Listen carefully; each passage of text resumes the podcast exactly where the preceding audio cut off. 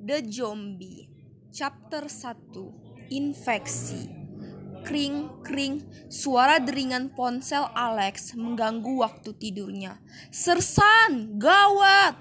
Teriakan panik dari seberang telepon membuat Alex bangkit dari kursinya dan berjalan mengarah jendela agar tidak mengganggu Andi yang masih terbaring lemas di ranjang rumah sakit. Ada apa, Leman Pandi?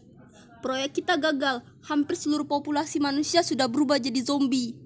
Ia berteriak hebat. Cepat pergi, selamatkan dirimu. Seketika panggilan terputus. Ditambah lagi, Alex melihat beberapa manusia di bawah sana mulai bertingkah aneh dan semakin membuat pria itu was-was. Ia langsung berlari keranjang anaknya dan memakaikan jaket kulit yang cukup tebal di tubuh Andi. Papa, ada apa? Tanya Andi yang mulai terbangun dari tidurnya. Kita harus pergi dari sini sayang. Ia menggendong tubuh mungil Andi dan tak lupa tangannya menggenggam sebuah pistol. Ia membuka pintu ruangan itu perlahan-lahan dan untung saja suasana di lorong itu cukup sepi sehingga ia mudah melewatinya.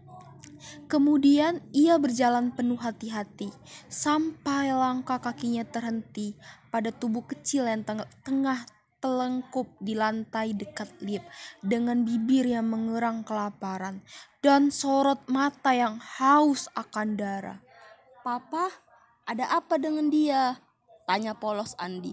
Sehingga mau tidak mau Alex segera menutup kedua mata putranya dan berjalan meninggalkan zombie kecil itu.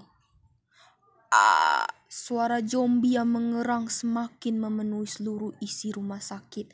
Sedangkan Alex harus perlahan-lahan melangkahkan kakinya melewati anak tangga darurat agar tidak didengar oleh para zombie.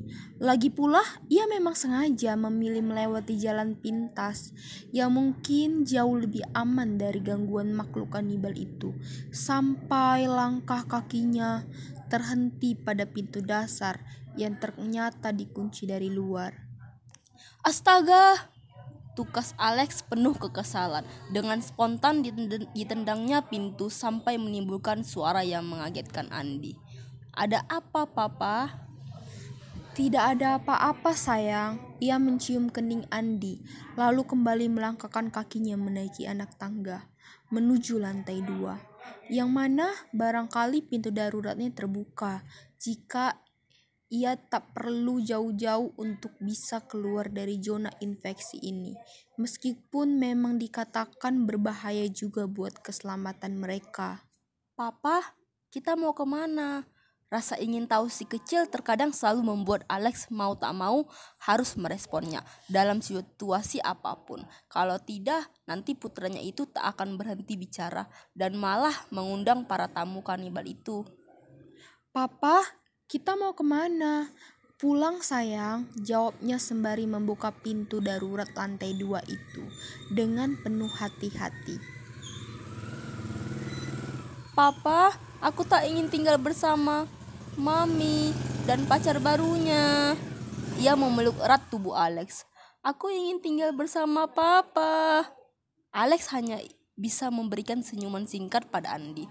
Lalu ia berjalan keluar menyusuri lantai dua sambil berlari kecil. Ia berlari dengan kecepatan yang sama, tanpa menimbulkan bunyi langkah kaki sedikit pun. Sampai akhirnya, kedua kaki Alex terhenti tepat di depan lift. Namun, saat Alex membuka pintu lift itu, tampak segerombolan zombie yang berada di dalamnya berdesakan keluar hingga membuat Alex sangat terkejut dan kembali berlari menjauhi segerombolan zombie sembari menebaki kepala monster itu satu persatu. Andi, tutup mata dan kedua telingamu, perintah Alex pada putranya. Celakanya, suara tembakan Alex membuat para zombie mendengarnya dan mendatangi lokasi mereka melalui tangga utama. Sampai akhirnya Alex benar-benar terkepung di antara para zombie. Papa, lewat pintu itu. Untung saja si kecil Andi menunjukkan sebuah pintu ruangan yang tidak terkunci tepat berada di depan di belakang mereka. Baiklah, ayo kita ke sana. Alex langsung berlari sekencang-kencangnya ke arah pintu itu dan dikuncinya pintu itu. Akan tetapi tetap saja pintu itu pasti bakal roboh bila zombie-zombie terus-menerus mendorong meskipun Alex menahannya dengan lemari obat. Papa, ujar Andi yang tiba-tiba mulai lemas dan tetesan keringat membanjiri tubuhnya. Papa, pusing kepala Andi. Liri Andi yang mulai bergetar hebat seperti orang menggigil hingga membuat Alex sangat panik.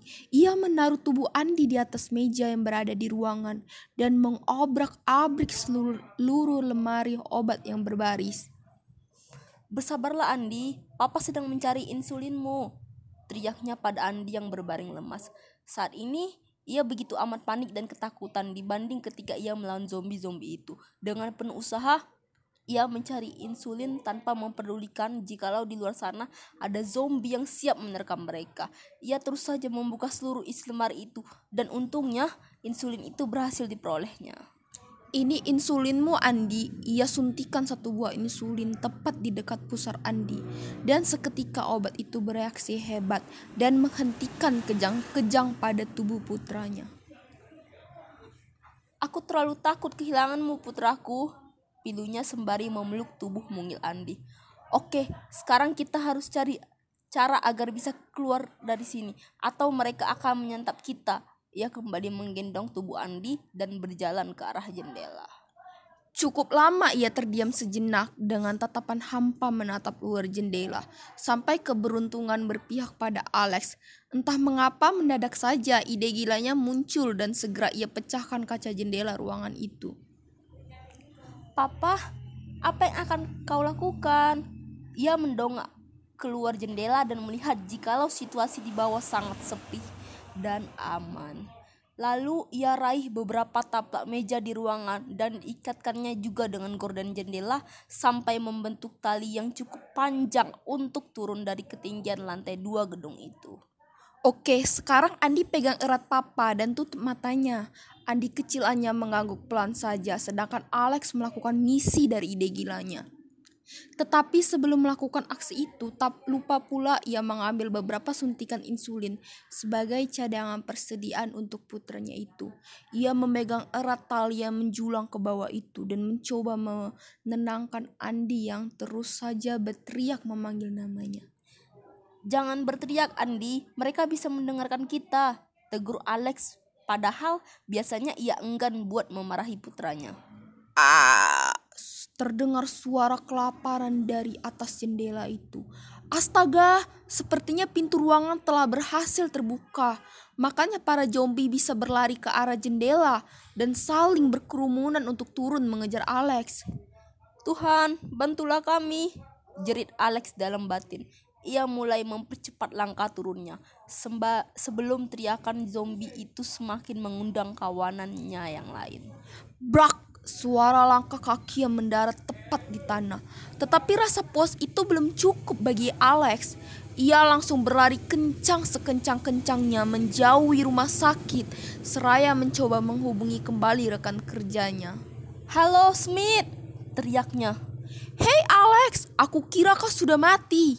Beri kami bantuan sekarang, perintah tegas Alex pada rekan sekaligus bawahannya itu. Oh maaf, kota ini telah dikarantina dan akan segera dibom habis tiga hari lagi. Apa? Kau bercanda? Ia masih berlari kencang dan tak memperdulikan kalau di belakangnya ada kerumunan zombie yang ikut mengejar. Aku tidak bisa berbuat apa-apa. Kau tahu kan, terlalu berbahaya kalau aku datang ke sana. Apalagi aku juga punya anak. Alex langsung mencampakkan ponselnya ke arah kerumunan zombie itu dan berlari menjauhi jalan raya. Ia berlari menyusuri rumput ilalang yang sepanjang lutut orang dewasa itu menjauhi kerumunan zombie. Langkah kaki yang tak tahu harus berlari ke mana lagi dan tanpa tujuan yang jelas hingga langkah kaki itu berhenti tepat di sebuah aliran sungai yang mengalir deras di sebuah kota di sebelah timur perkotaan.